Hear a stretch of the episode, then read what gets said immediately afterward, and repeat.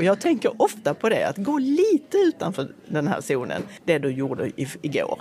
Men var fortfarande så trygg så att du bottnar. Det kanske är där den allra bästa utvecklingen sker då helt enkelt.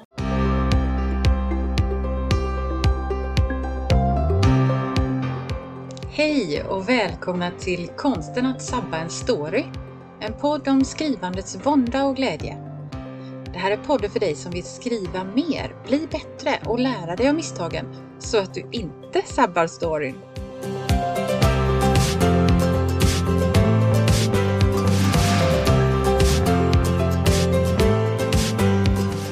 Jag heter Anna-Karin Svanå. Jag är skrivarcoach, lektör och författare. Men nu sätter vi igång!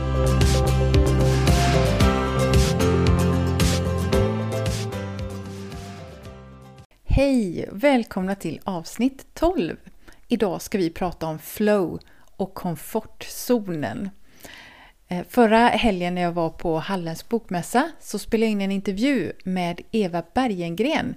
Det är en kvinna med många strängar på sin lyra. Hon brukar kalla sig för skribent. Hon jobbar också som lektör. Eh, och vi pratar om det här med komfortzonen. Är det verkligen sant att det bara är utanför komfortzonen som den kreativa magin händer? Ja, det är väl kanske tveksamt när man börjar fundera lite extra på det.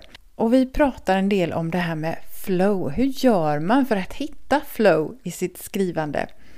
Och är det skillnad på om man är introvert eller extrovert i sin personlighet?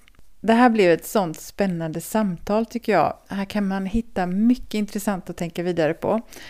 Bland annat, hur hittar man flow i utrymmet, den lilla zonen mellan ledan och skräcken? Här kommer intervjun.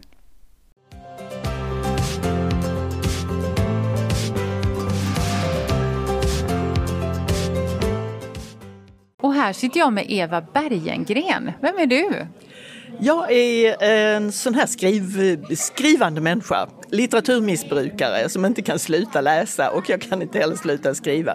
Jag är journalist i botten och sedan några år så jobbar jag som frilansande redaktör, lektör, kreatör, allt möjligt som slutar med ör. Ja, vi har ju träffats i många sammanhang, bland annat för att vi just då jobbar med, som lektörer. Eh, och härom sisten så satt vi och fikade och då sa du någonting som fick mig att först protestera men sen fick det mig att tänka efter rätt rejält. Kommer du ihåg vad det var du sa? Ja, eftersom jag är småföretagare nu så vistas jag i många sådana här företagsnätverk och där finns det nästan som ett mantra det här med att du måste gå utanför din bekvämlighetszon för det är bara där man kan skapa något. Det är bara där det sker kreativitet av värde. När du kliver ut utanför zonen. Och då är jag ju liksom i ryggmärgen en sån som alltid säger emot. Så jag tänker, nej, det där, det är inte sant. Inte när det gäller mig i alla fall och inte när det gäller mitt skrivande. Ja, jag är ju en av de där som har också sagt det här till andra, att man måste utanför sin bekvämlighetszon för det är där utvecklingen sker. Eh, så jag kände mig lite påhoppad och sa emot dig där tror jag. Men eh, vad är det som gör att du ändå tycker så här, jag gillar ju när man ifrågasätter i största allmänhet, så nu, nu får du ifrågasätta. För det första så tror jag vi kanske menar, vi menar samma sak och så uttrycker vi det på olika sätt. Men jag tänker så här att i grunden så finns det ju, alltså vi är ju utan, vi måste ju utanför bekvämlighetszonen hela tiden. Det ingår ju i att vara människa för allting vi gör, det har vi ju någon gång gjort för första gången. Och då har det ju vartenda ord vi kan, vartenda, varenda handling vi gör, borsta tänderna, liksom åka buss. vi har gjort det, det har varit jätteläskigt och vi har gjort det för första gången och sen så lär man sig gradvis. Jag tror inte det är riktigt de sakerna man menar men det ingår liksom i att vara människa, att utvecklas, att göra nya saker, att lära sig. Men när, när man pratar om det där risktagandet, att kliva ut och göra någonting som du aldrig har gjort förr och som du är lite rädd för. Det är ju jättekul. Jag älskar att lära mig nya saker. Eh, alltså jag har börjat att filma nu på gamla dagar. Jag hade aldrig hållit i systemkameran för fem år sedan och nu gör jag kortfilmer. Det är fantastiskt kul. Men det där med att inget skapas som är av värde om jag inte är där ute utanför min egentliga kunskap. Det kan ju bara inte stämma.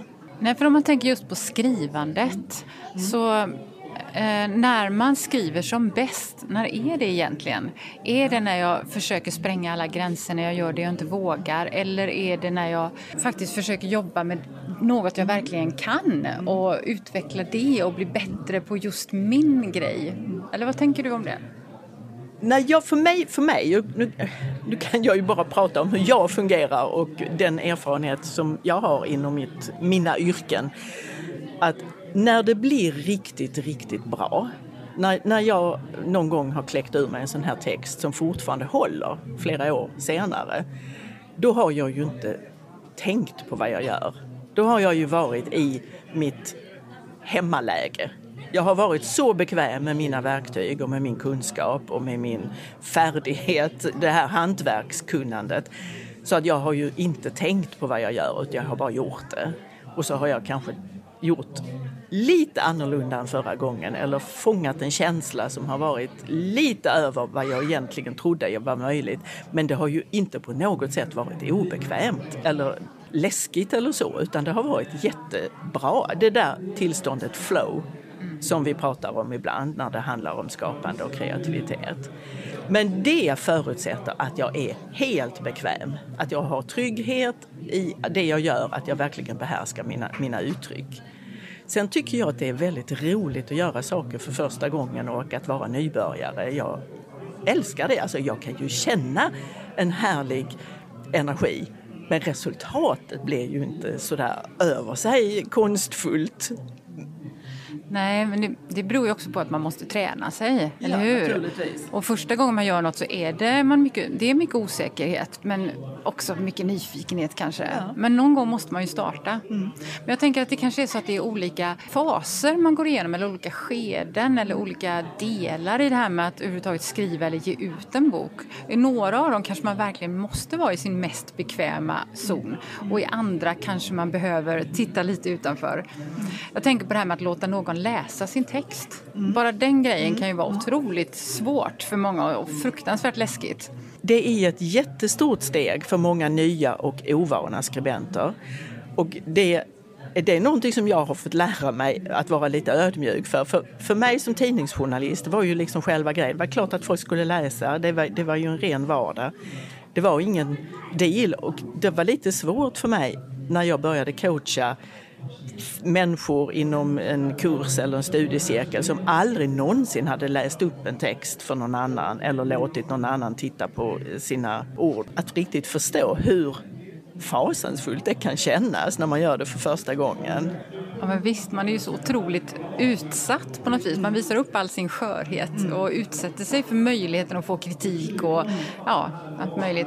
Men, men det som är spännande är ju att man kan ju utvidga sin bekvämlighetszon. Mm. Det som man för första gången tycker är fruktansvärt. När man har gjort det ett antal gånger då kanske det inte är lika hemskt. Eller man kan till och med se det som en positiv del i, eh, i sin utveckling. Fastän det var så obehagligt ett tag. Där håller, vi där håller vi helt och hållet med varandra. Och en annan sån här grej, att gå utanför sin zon, det är ju på ett sånt här ställe som på en bokmässa när eh, man ska prata om sina böcker och prata med nya människor och kanske bli intervjuad på en scen och så. Där har vi också något som väldigt många tycker är obehagligt. Själva säljdelen eller marknadsföring, kundkontakt, den delen av bokskrivandet eh, är ju inte alls samma som när man sitter i sin lilla bubbla och kanske har flow. Nej, och den delen, där liknar det ju småföretagarvärlden. Mm. För det finns ju, även hur skicklig yrkesperson man än är, så finns det ju, ska man kunna leva på sitt hantverk eller på det man gör och det som man är duktig på, så måste man ju ut och exponera sig för marknaden i det fallet. Men det är ju, den består ju av människor den också, precis som bok och tidningsläsare. Och det är många duktiga människor som inte alls tycker att det är roligt att vara ute och sälja och pitcha sina idéer och vässa sina, sitt affärstänk tillsammans med andra. Men hur är det, måste man bli en sån person om man nu gillar att skriva? Måste man också bli en säljmänniska? Jag tror att ska man sälja böcker, vill man leva på sitt bokskrivande som författare, då måste man. Men man kan ju skriva på många andra sätt. Alltså kreativt skrivande är ju en rikedom som vi delar alla. Det är ju en allmän egendom. Allemansrätten gäller inom alfabetet. Den är absolut. Och eh, man måste ju inte alls vara en sån som säljer många böcker för att ha en otrolig glädje av sitt skrivande och att utveckla sin berättarförmåga som alla har. Ja, men det var lite det som jag var inne på ett annat poddavsnitt. Att eh, Man ska inte bara lyssna på andras råd utan man ska ta till mm. sig det som passar med ens egen personlighet. Och då ligger ju till exempel målsättningen där. Mm. Vad vill jag egentligen? Vill jag skriva för att jag mår bra av det eller av någon terapeutisk anledning eller för att jag vill nå ut till massa människor? Det, då blir det lite olika i även skrivprocessen. Mm. Eller hur vi nu är som människor, vad vi trivs med. Ja, en del av oss är ju lite mer introverta till exempel än andra. Och jag är ju någon konstig blandning. Jag är jätteintrovert men jag älskar att prata med folk också. Jag kan ju ingenting om det här egentligen på riktigt. Jag har ingen akademisk utbildning om kreativitet eller eh, språk eller så. Men jag läser mycket böcker och jag tar till mig tankar från olika håll. Och en bok som har fått mig att verkligen göra ett sånt här språng i mitt eget förhållningssätt till ja, både jobbet och världen och uh, livet i stort. Det är en bok som heter Introvert, den tysta revolutionen. Den är skriven av en kille som heter Linus Jonkman eh, och han är sån här HR-expert, han utvecklar bolag och så. Alltså, när han beskriver sin egen personliga resa så känner jag igen så mycket. Och jag tror vi är många inte minst inom, alltså vi som gillar att skriva och fundera och göra saker långsamt och noga. Vi är inte hemma på den här scenen eller i mingelpartyt eller de här tillställningarna där allting går ut på att du ska träffa nya människor. Jag är jätteglad om jag hinner ägna mig åt mina gamla människor, de jag redan känner och som jag redan har en relation till som jag vill fördjupa. Men när jag läste den här boken då följde så många pusselbitar på plats, inte minst yrkes och skrivmässigt. Jag fattade lite mer om hur jag funkar som person och som skribent. Jag tänker det att det är många skrivande människor som har den här introverta sidan, att man får energi av att vara med sig själv och sina tankar och det man har läst och funderat på tidigare och så pusslar man ihop det till någonting, till en helhet. Och det är inte så jätteviktigt att det är tusen människor som läser den här texten. Det kan räcka med att det är tre, om det är rätt person som, som man verkligen når fram till. Ja, det här med en introvert som ska stå upp på en, uppe på en scen till varje pris, det är ju ett typexempel på att gå utanför sin komfortzon och göra något som man är verkligen rädd för. Är, är det bra då eller är det verkligen inte bra? Eller kan man göra en sån distinktion överhuvudtaget? Jag, jag, jag fick en annan aha-upplevelse i en annan bok av en person som heter Mich Mihaili Csikszentmihalyi jag kan inte uttala det här namnet. Du får skriva det i poddavsnittens eh, det kan jag göra. text. Ja, det, det går bara inte. Men det är en väldigt känd psykolog som har skrivit mycket om det här med kreativitet. Och jag tror faktiskt att det var han som myntade begreppet flow som vi ofta pratar om när man skapar och när man man kommer in i det här tillståndet när det bara händer saker. Man, man, kan vara där hur länge som helst och det kan ta väldigt lång tid att jobba sig dit. Men i en av hans böcker så beskriver han, jag kommer så väl ihåg hur grafen såg ut, den var på en vänstersida ganska långt ner och den bär jag med mig. När han på väldigt enkel liten teckning visar att man måste befinna sig i den här lilla smala kanalen i det, mental, alltså i det mentala tillståndet om man har mental död längst ner och så har man total panikångest överst. Så finns det en liten smal kanal i mitten där du är mellan ledan i underläget och skräcken i överläget. Du får inte vara så högt upp, du får inte vara så långt utanför din zon så att du bara känner skräck. Och du får inte heller vara så långt nere i rutinen och i vanan och i vardagen och det grå så att det inte händer någonting nytt, för då gör du ju bara precis samma sak. Det finns ett litet utrymme och när man kommer dit, då är det där flow kan uppstå. Det gör det ju inte alltid, men det, det är när man om man, om man skapar förutsättningarna för att komma in i det här kreativa flödet då är man där. Man är mellan skräck och leda. Och jag tänker ofta på det, att gå lite utanför den här zonen, det du gjorde igår. Men var fortfarande så trygg så att du bottnar. Det kanske är där den allra bästa utvecklingen sker då helt enkelt? För mig är det så, helt tveklöst. Mm. Så intressant. Men vad är, vad är det som är bekvämt egentligen? Den här bekvämlighetszonen som är så förhånad då och där jag trivs så himla bra. Jag kan tänka mig då att i många sammanhang så alltså exempel och uppmaningar om att jag gjorde minsann det här och det här fast jag var rädd och det gick så bra. Det handlar nästan alltid om att det är vi som är lite långsamma, noggranna, inbundna och försiktiga som ska gå upp på en scen och ställa sig och dra stand-up comedy eller spela improvisationsteater för hela personalen. Det, det handlar liksom aldrig om den motsatta resan att en väldigt extrovert person ska lämna scenen och tillvarons mittpunkt och gå in och sätta sig i ett ensamt rum och läsa Brott och straff och skriva en essä på fyra A4 om kommatecknets utveckling och sen inte få berätta detta för någon. För den extroverta personen drivs av yttre bekräftelse av att få, liksom, den personen får energi av att andra bekräftar och ser och betonar av att det där gjorde du, jag ser dig och så. Medan det för den som är introvert inte spelar jättestor... Det är klart att det är roligt att få applåder och beröm och sådär men det är inte det som är själva grejen. Och det, det funderar jag ibland på när jag ser de här uppmaningarna på, i affärs sammanhang när folk ska uppmuntra varandra. Så det är aldrig på det sättet. Gå nu in och sätt dig och prata inte med någon på två veckor utan bara åstadkom ett bra resultat. Jag skulle vilja se dig säga det på någon sån här nätverksträff för drivna företagare. Eller någonting.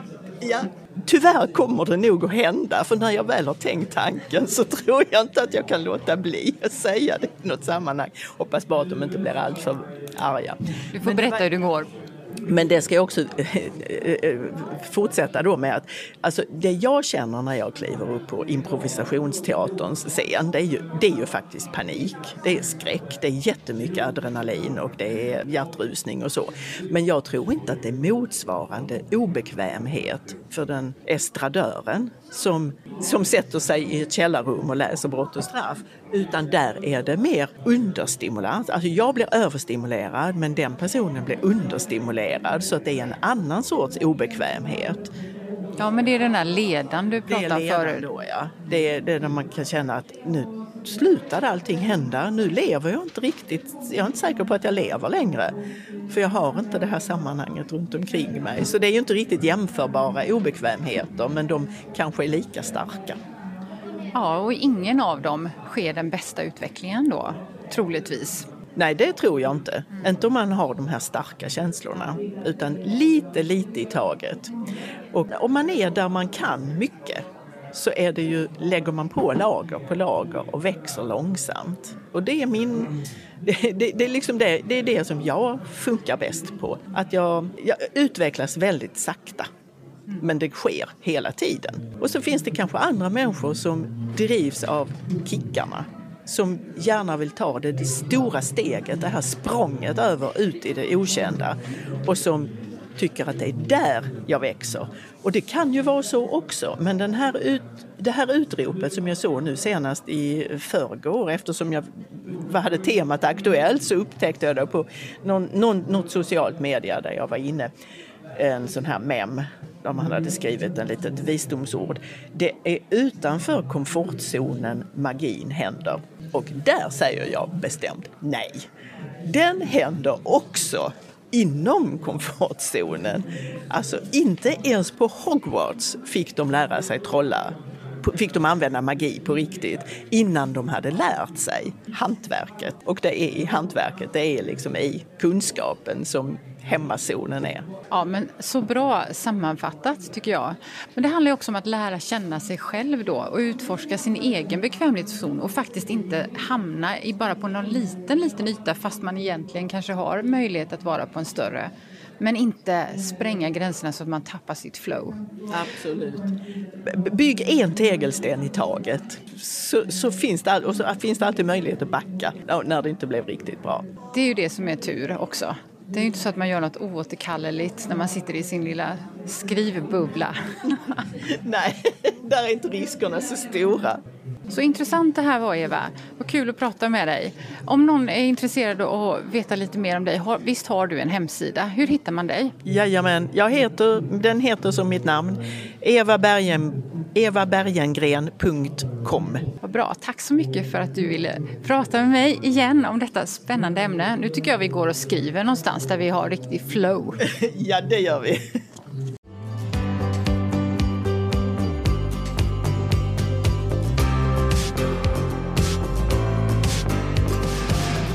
Det var allt för idag. Om du gillar podden skulle det vara toppen om du tipsar andra skrivintresserade också. Titta gärna in på min hemsida www.annakarinsvana.se. Där finns bland annat en gratis minikurs om att börja skriva. Där finns också mer information om mina tjänster och kurser. Men nu är det dags att börja skriva.